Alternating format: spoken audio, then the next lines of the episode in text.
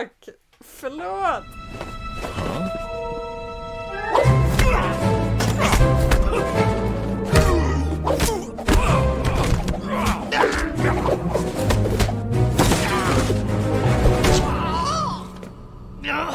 I think you want to leave now. Tell Rafa this is far from over. Whoa. Where did you learn to fight like that? My older brother taught me. Vi är redan två tredjedelar in i säsong sju av Clone Wars, även kallad den sista säsongen av Clone Wars. Eh, idag kommer vi prata om avsnitten 5 till 8 av säsongen. Eh, och jag som pratar heter Hanna. Med mig idag har jag också återigen Hanna och Linus. Hej på er! Tjena mors! Hej!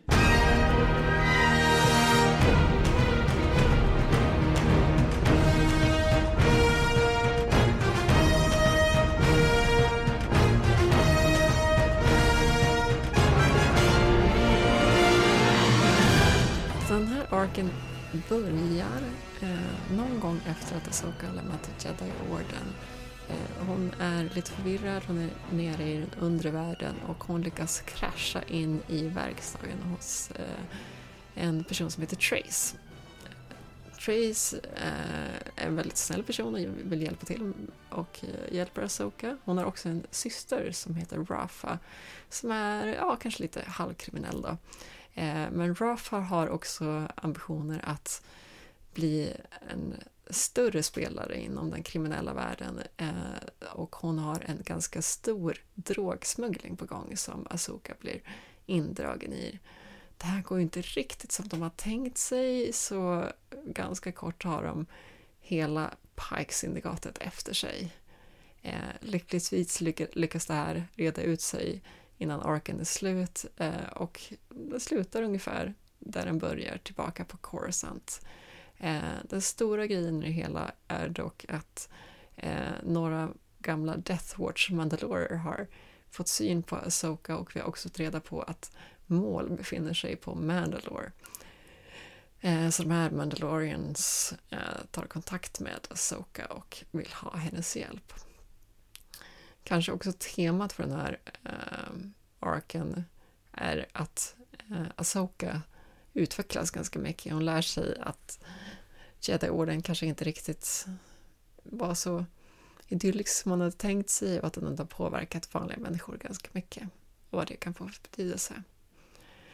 Eh, precis som förra gången tänkte jag att vi kanske skulle börja med att prata lite om de nya karaktärerna i den här arken, nämligen Trace och Rafa. Eh, Linus, vad känner du kring de här två?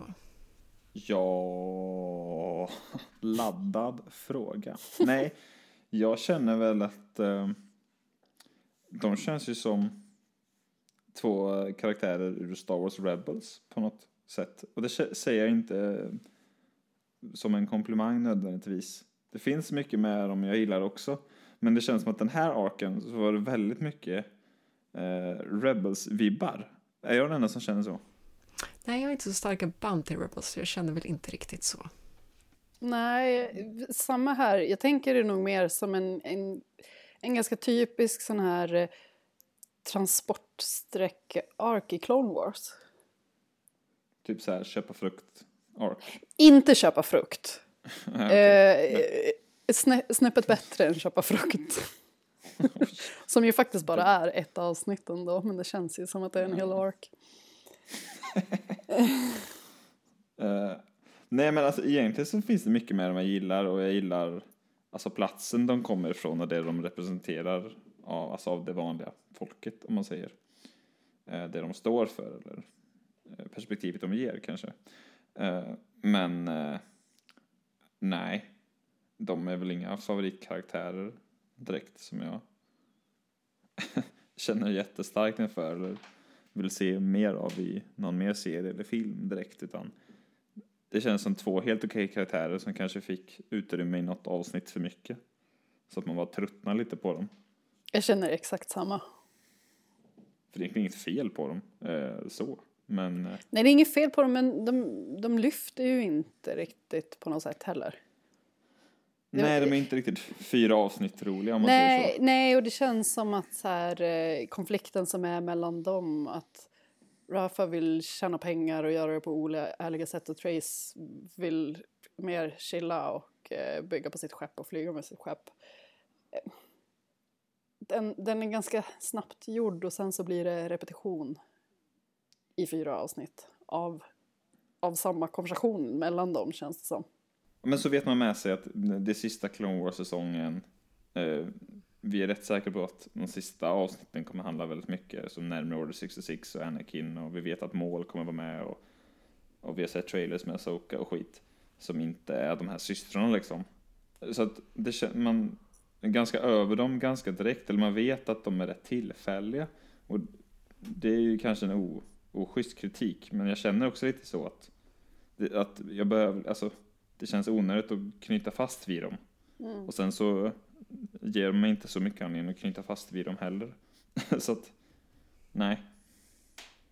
Jag kan ju och för sig känna att eh, Rafa var ändå lite mera intressant på något sätt. Jag upplevde inte att Trace kanske utvecklade så mycket. Hon körde sitt naiva spår och man blev liksom nästan lite förvånad över hur lite hon utvecklades över tiden. Men det jag kanske gillade mest var väl på något sätt att eh, Rafa och Asoka hade ju ganska mycket konflikter, vilket i sig gjorde det hela lite mer intressant. Eh, jag kan i och för sig känna att det finns en del positiva sidor med de här karaktärerna. Och då tänker jag framför allt med Rafa. Jag upplevde att Trace utvecklades förvånansvärt lite. Hon körde sitt naiva spår och blev inte så mycket smartare över de här episoderna.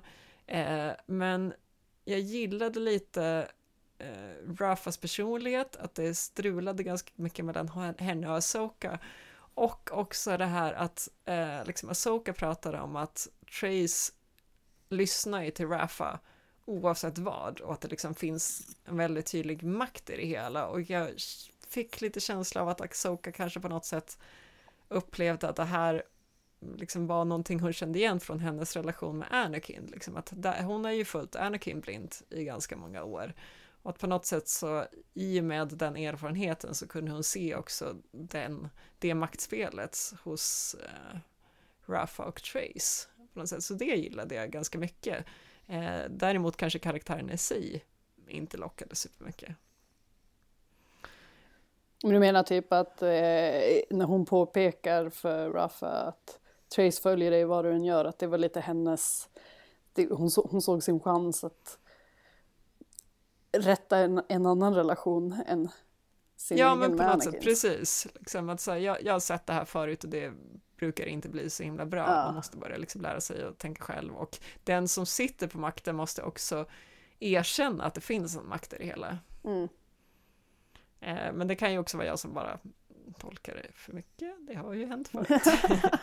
Men det är ju, det är ju en snäll det tror jag är tolkning på något sätt. avsiktligt, eller? Ja, kanske. Eller- Det känns så som att, som att uh, Asoka gillar ju, eller känns som att hon ser lite av sig själv i, i Trace liksom. Ja. För tio år sedan eller någonting. Absolut. Eh, Asoka har ju annars en ganska naiv syn på mycket även i den här arken, trots att hon har liksom vuxit väldigt mycket som jedi. Och jag upplever att det är väl kanske det arken på många sätt handlar om, att hon har levt det här skyddade livet inom jedi-orden. Eh, där hon på sätt och vis har ju liksom levt enkelt, hon har slitit i krigen och sådär. Men det känns som att hon inte har fattat att hon ändå är en del av eliten liksom. Mm. Ja, Hon Att hon är privilegierad liksom. Ja, hon har levt uppe på ytan, hon har levt där, liksom med makten på något sätt. Alltså hon har liksom varit väldigt nära eh, kejsaren, och, eller nej, ja, vad är han? Supreme Chancellor är han väl i det här stadiet. Eh, och eh, liksom, hon har levt med jedi som också har otrolig makt. Eh, och det som, känns som att hon inte riktigt har reflekterat över nu. Eh, det känns ju också som att hon är rätt kass på hela liksom street, hon är inte särskilt street smart liksom. Ja, hon känns Eh, väldigt vilsen. Åtminstone i början, det känns ju Mm. i och för sig som att hon lär sig ganska fort Jo. över de här avsnitten till skillnad från Trace då. Och hon kan När de väl är liksom ute på ta... äventyr känner de väl igen sig liksom, tänker jag också. Vad sa du? när de väl är ute på äventyr och hamnar i fängelse och måste fly och slåss. då Ja, precis. som ja hemma, men precis, liksom. då kan ju hon ta, ta fasta på den kunskap som hon har sedan tidigare och liksom tillföra någonting i deras situation. Mm, exakt.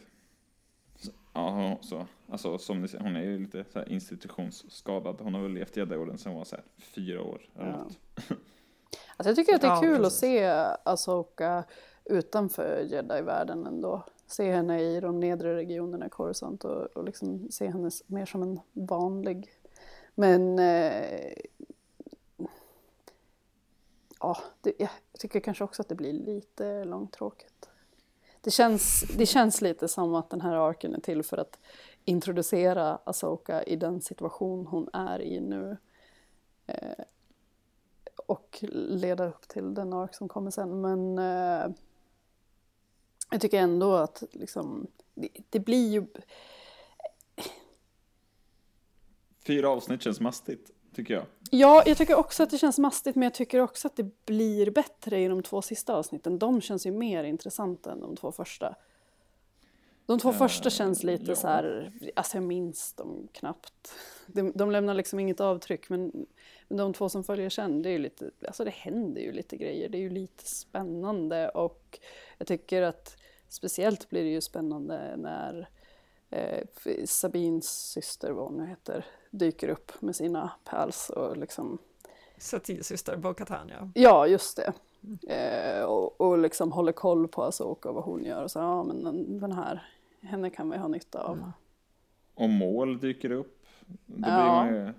När det närmar sig stora Star Wars blir man ju lite mer nyfiken. Jag tycker liksom. att det är rätt bra drag i den här arken ändå. Det är ju kanske första avsnittet som känns eh, lite för mycket som ett introduktionsavsnitt, men sen flyter de på rätt andra. bra. ändå.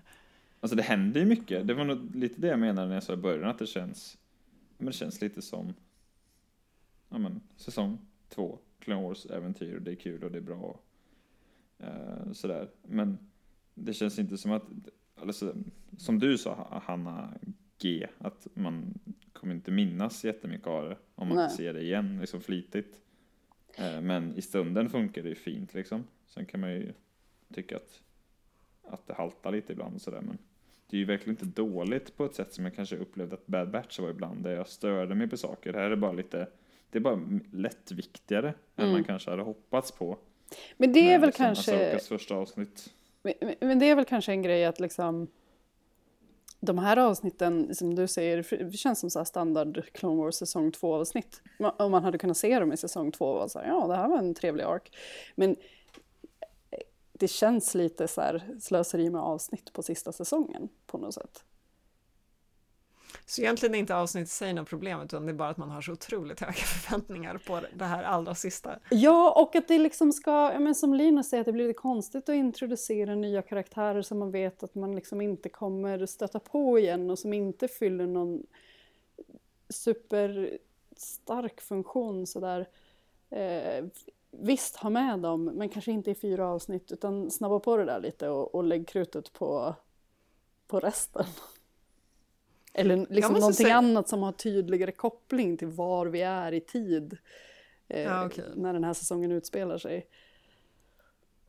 Jag måste säga att jag ändå blev väldigt glad att det utspelade sig i liksom undre världen, för det Mm. känns ju ändå som någonting som man fått se lite här och där, men aldrig riktigt ordentligt. Jag har ju tänkt att det skulle liksom komma ett datorspel om det här, eh, som aldrig blev av, eh, tyvärr. Eh, så det var liksom kul att man ändå fick se lite mer av framförallt Coruscant. Eh, sen hade jag kanske haft en annan bild av Coruscant, så man får ju se lite av liksom de nedre våningarna i den arken där Asoka lämnar Jedi-orden eh, som kändes mörkare än vad det här kanske gjorde. Eh, Så att jag, jag hade liksom gärna sett, sett mera av Corsans nedre delar som var lite mer obehagliga på något sätt. Men, men å andra sidan får man ju istället ganska mycket av hela Pike-delen. Eh, så, så på det sättet så, så, får man kanske en, en viss belöning i slutändan ändå. Men jag, det kanske inte riktigt var den sorts värld som jag hade förväntat mig. Jag vet inte ifall ni håller med mig eller förstår vad jag är ute efter på något sätt. Alltså jag tycker Jag det är intressant. Ja, kör du Linus. Nej, eller jag har inget att säga. Men jag, jag fattar vad du menar och kan väl hålla med lite att jag förväntade mig lite annat när de som kraschade ner tusen våningar. Att de så här skulle handla, äh, hamna hos typ så här Cad Baines brorsa eller något sånt. eh, så här, patrask. Det är lite Men, eh, gemytligt på något sätt. Men det Vad är, så, det, är, det är lite för mysigt där nere. Eh, Eller jag vet inte om det är för mysigt, men det är mysigare än jag trodde att det skulle vara i alla fall.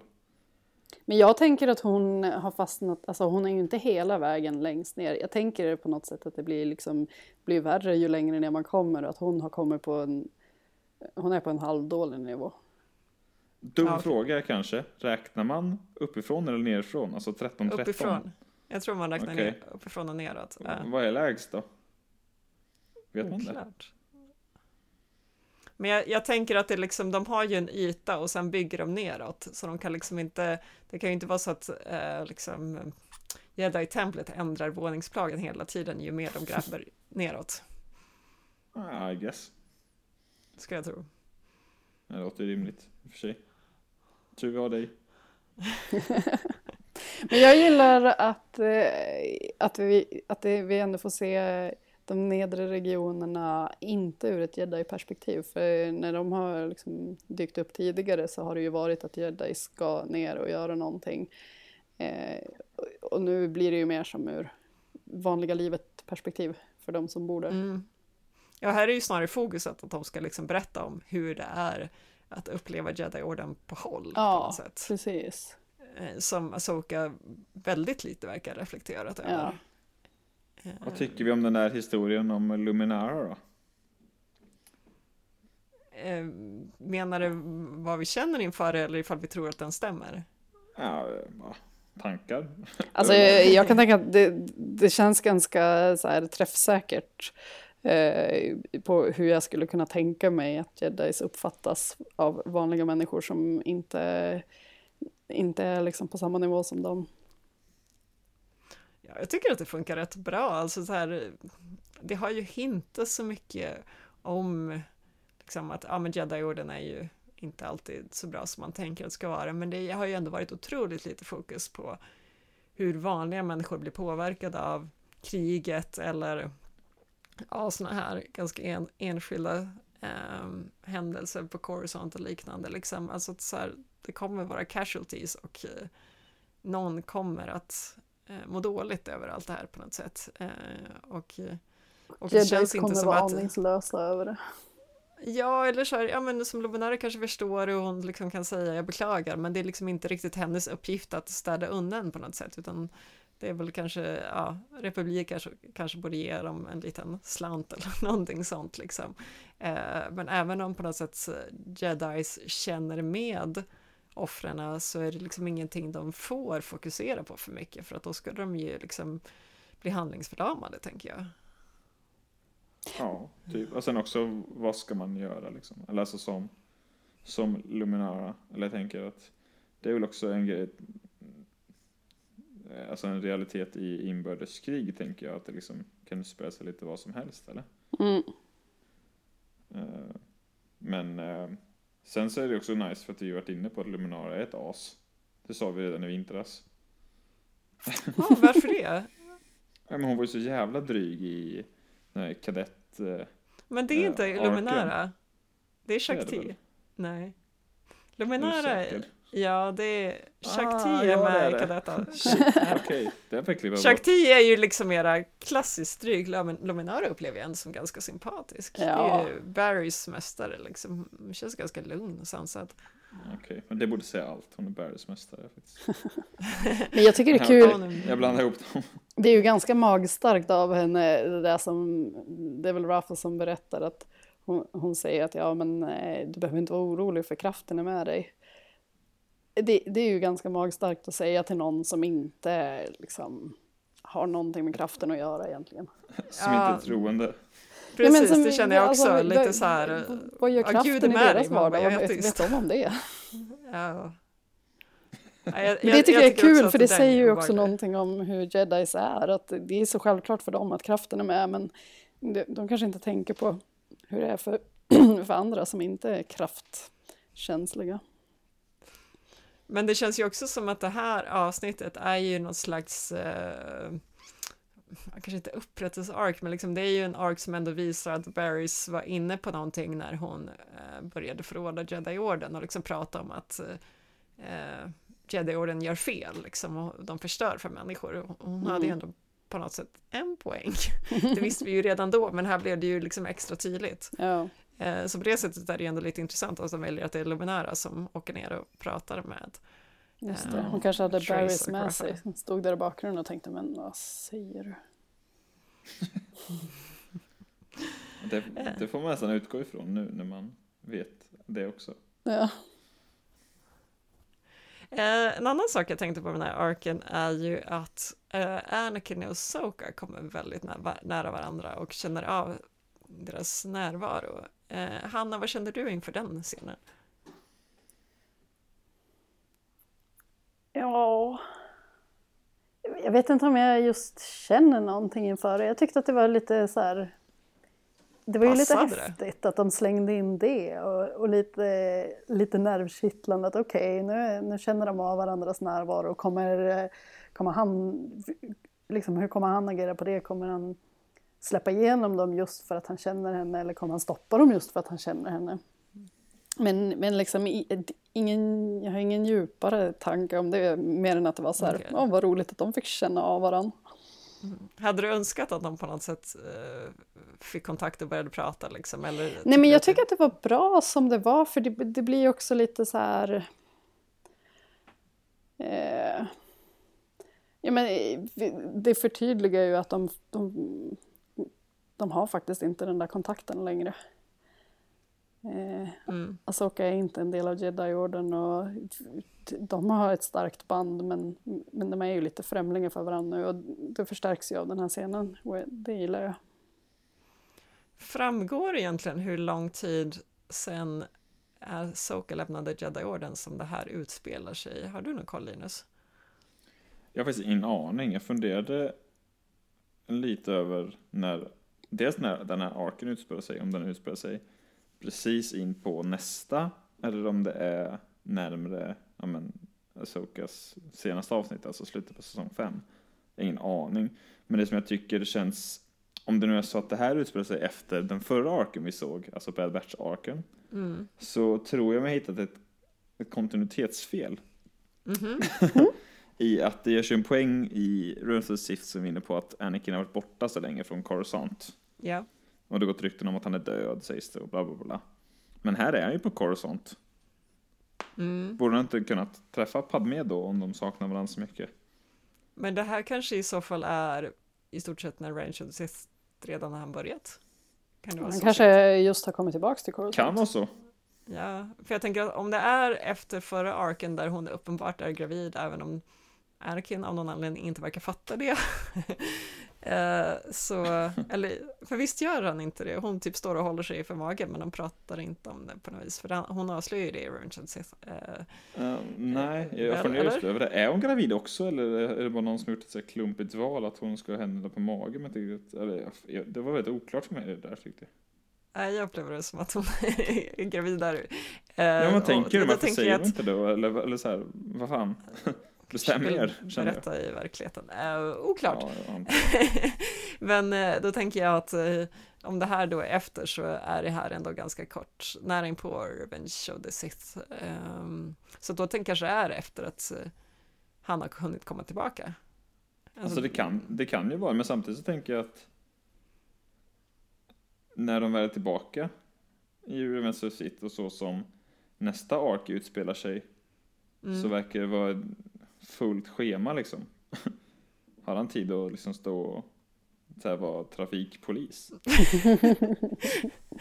Nej, så jag vet inte. Antagligen så har de väl tänkt på det. De brukar ju ha koll på den här typen av grejer. Men jag har ju ändå till liksom. Eh, Ja, men jag är inte riktigt, jag är inte riktigt heller med på det hela, för det känns eh, när arken precis började så räknade jag med att det här var direkt efter att hon hade liksom lämnat orden, för hon kändes otroligt naiv och hon hinner ändå Mm. lära sig ganska mycket på ganska kort tid här på något sätt. Men det kan ju vara att hon har slafsat runt på Coruscant eh, utan att riktigt utvecklas också. Så kan det ju vara. Hon har ju trots allt Eh. andra kläder på sig i varje fall. Ja, men det, det, gott är ju lite dubbelt där. Hon, eh, hon, hon känns som att hon är liksom färsk ut från orden i hur hon beter sig. Eh, men det känns också som att det har gått ett tag också i hur hon, hur hon beter sig på något sätt. Eh, och i att hon har andra kläder, men det, man kan ju snabbt byta kläder i och för sig. Eh, men jag vet inte, jag, ty- jag tycker hennes beteende både stödjer att det skulle vara direkt efter hon har lämnat orden och en tid efter. Men förresten... Men man får en väldigt dålig bild av hennes livssituation. Det måste Ja. man... Alltså såhär, bor hon någonstans? ja. Eller åker hon moppe hela dagarna? Jag har ingen aning. Ja, nej precis. Det är mycket sånt där också som jag kan tycka skaver lite ibland. Som egentligen kanske inte är att det inte hänger ihop, bara att det är lite oklart så att det kan bli lite distraherande. Mm. Eh, för att så fort de förklarar hur de tänkt så går det säkert liksom ihop eh, liksom, hur väl som helst. Men jag, jag fattar verkligen inte. Eh, och sen är det lite så här små logiska grejer i den här som, som dels vi har pratat om bara sinsemellan.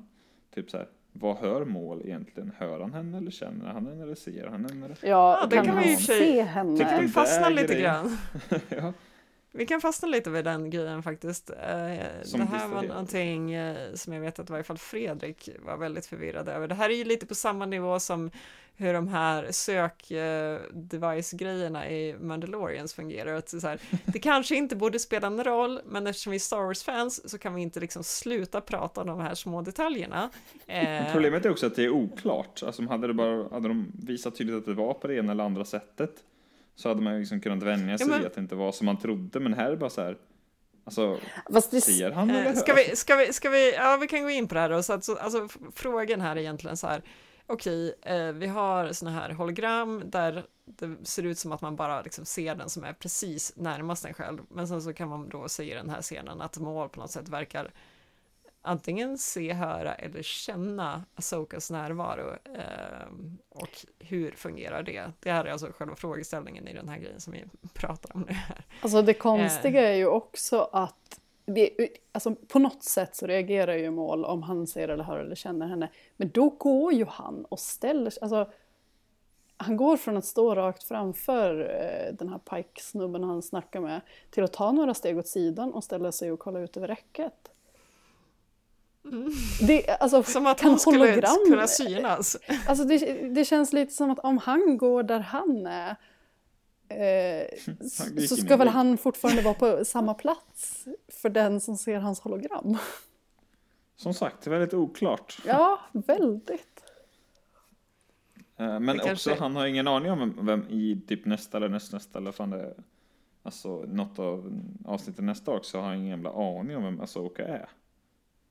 Vi kanske inte ska gå in för mycket på det, utan... eh, Vi, vi, nej, nej, men vi jag tänker att där verkar han inte ens ha känt av det, för då, då tänker man kanske att han liksom, ja, ah, det var det jag kände en gång, eller alltså så här.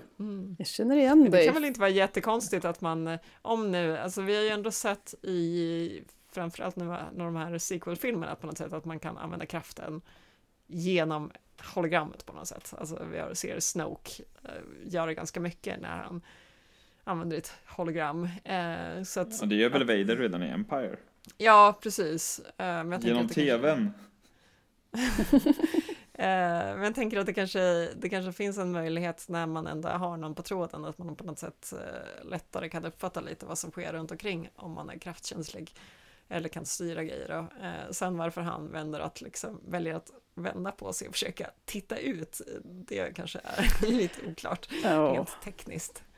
Eh, men det är ändå lite intressant att vi som fans är så dåliga på att bara acceptera att så här, äh, det här är lite oklart, vi passerar det, det får vara lite mystiskt och så gör ingenting. Alltså det kan få Men vara lite mystiskt för mig, men jag reagerar ändå på det.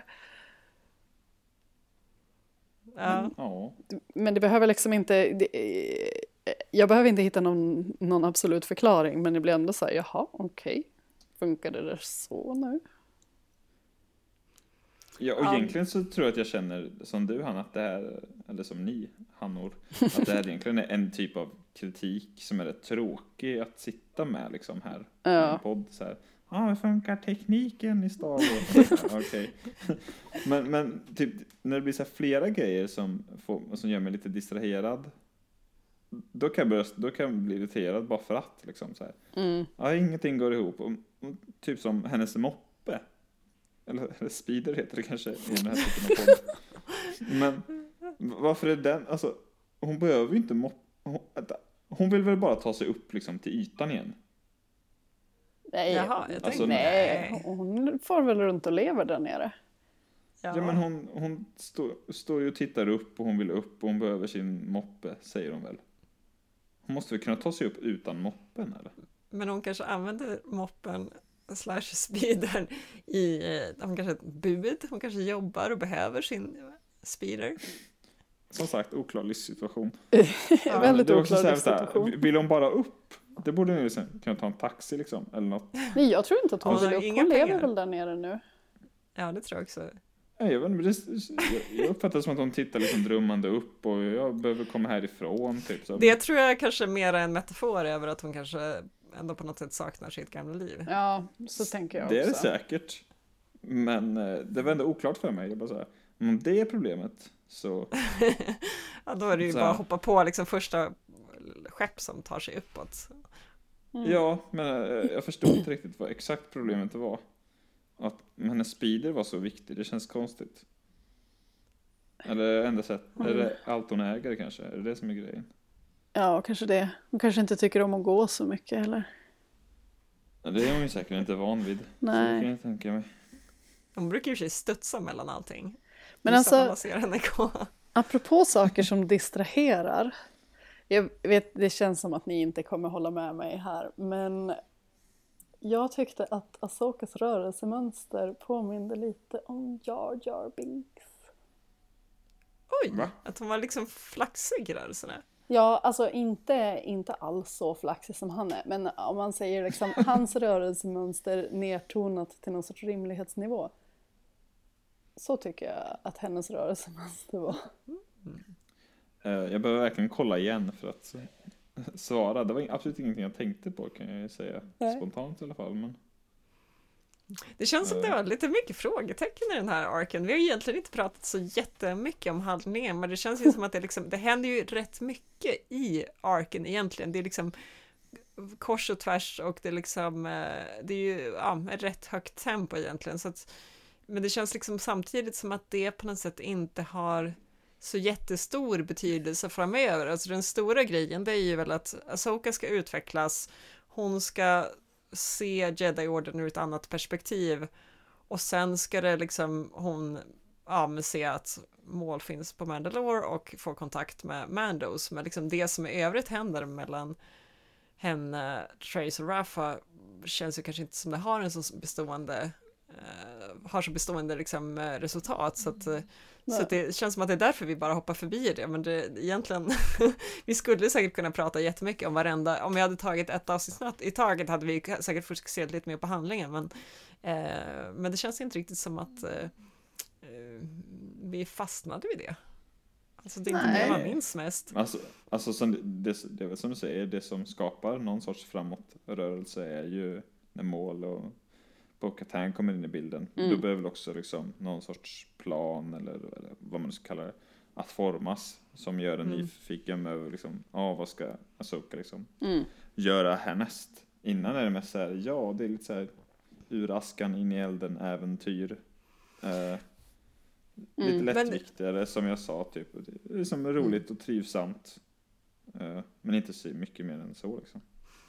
Men jag tänker att den här arken också kan vara ett resultat av att fans är, vi är som vi är och vi tjatar ganska mycket på skaparen. För jag upplevde ändå att liksom, när Asoka lämnade ordern så fanns det ett ganska stort intresse för vad hände med Soka? Jag vill veta mera. Hur lever hon nu liksom? Eh, och så liksom levererade de det och så kom vi fram till att nej vänta, vi var ju faktiskt inte så himla intresserade av Asoka i, själv, i sig själv liksom. Vi vill veta vad henne i relation till annat, hon är med i Rebels, ja men då blir det intressant till exempel. Eh, men Asoka, när hon är ute och bara ska överleva, kanske inte är det som egentligen lockar så mycket, men vi trodde kanske det innan. Mm.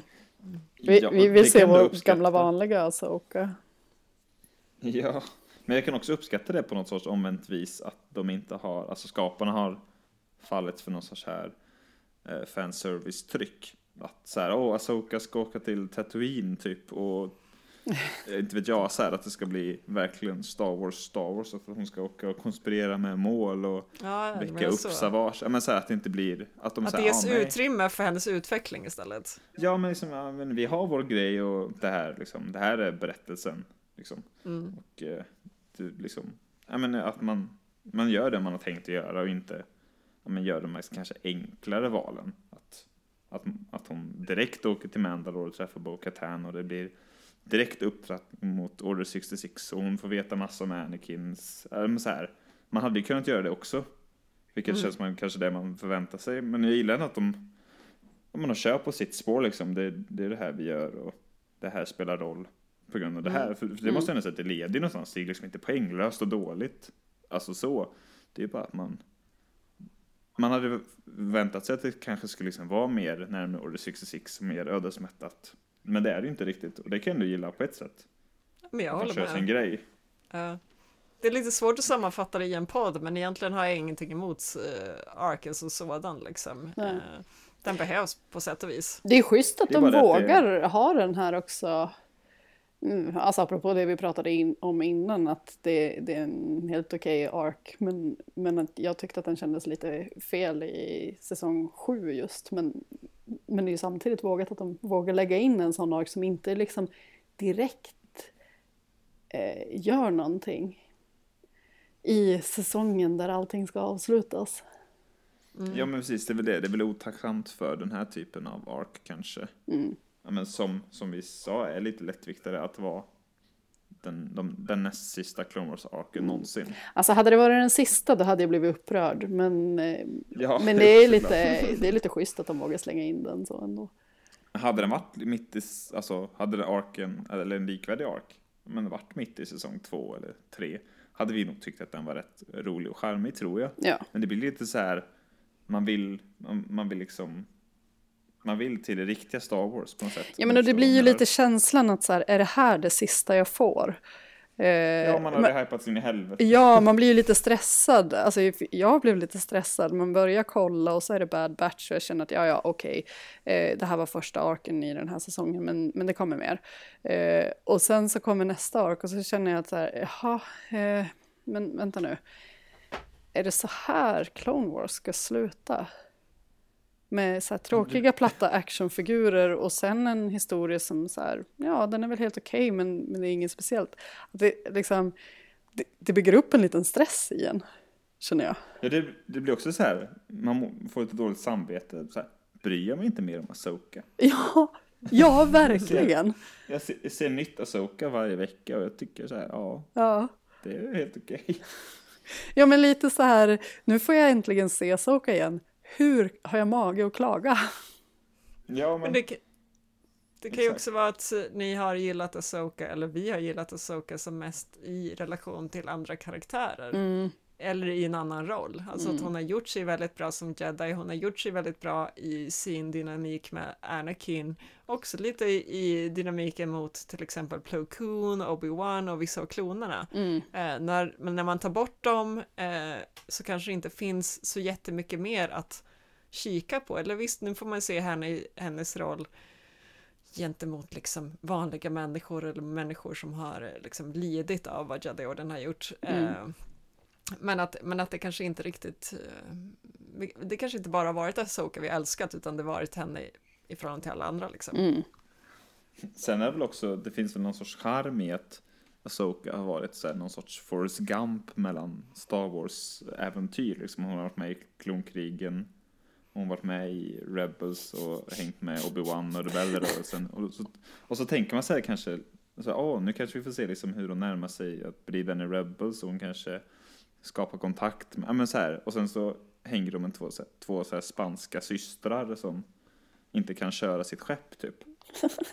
eh, och det alltså, Kanske det visar sig att de här två spanska sig. systrarna är jätteviktiga i slutändan. Ja, Star Wars Episod 10 och smäller det.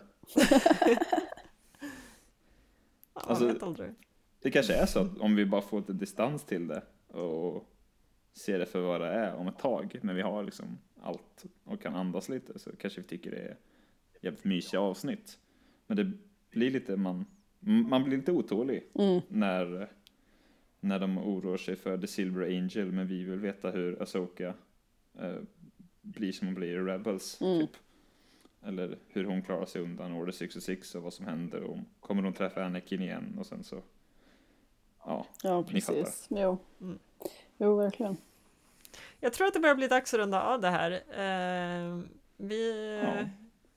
har ju snackat på ett bra tag. Eh, vi önskar väl att kanske vi vore mera lyriska än vad vi är, men egentligen verkar vi ju inte riktigt tycka illa om det heller. Det är bara Nej. att eh, vi hypar lite för mycket i förväg. Ja, för i ärlighetens namn så är det väl ganska genomsnittliga Clone Wars-avsnitt egentligen, eller? Ja. Jo, Ja, men det är det nog. Eh, Man är lite bortskämd tror jag. Ja. helt klart. Men såg Tack. ni Solo, eh, eh, inte, inte Han Solo, men från Solo-filmen så var det ju en, ett litet cameo. Noterar ni det? Det tror jag inte. Hur är det? Står inte de och pratar med alla eh, olika crime-bossar i det här? Jo, men Jo. just det, de, eh, de refererar till de här. Jo, det är väl han med Crimson Dawn. de är i den här. Ja, Dryden Voss står ju Just där. det. Och, Mm. Jaha, det såg inte jag. Eh, man ser honom bara liksom på håll så och vet man det så vet man det. Ja. Eh, Kul bara. Om man inte Mm, har sett det absolut. så kan man ju, jag minns inte vilket avsnitt det var, men det var när Mål snackade med Mm, det är Sina väl i eh, Partner in Crimes. tredje avsnittet i Det är möjligt, de flyter lite samman när man ser dem så här allihopa Mm. i ett sjok. Ja. Det är inte första landet. Nej, det är nog fjärde tror jag. Säkert. Eh, Men hörni, Ja. dags att sluta. Hanna Tack för att ni ville med. Tack för att ni ville prata lite Clone Wars tack igen. Tack själv. Och eh, tack, tack för att ni lyssnar, ni där ute. Ja, tack. Eh, Ha det bra allihopa. Hej då! Hej, hej. Hej då.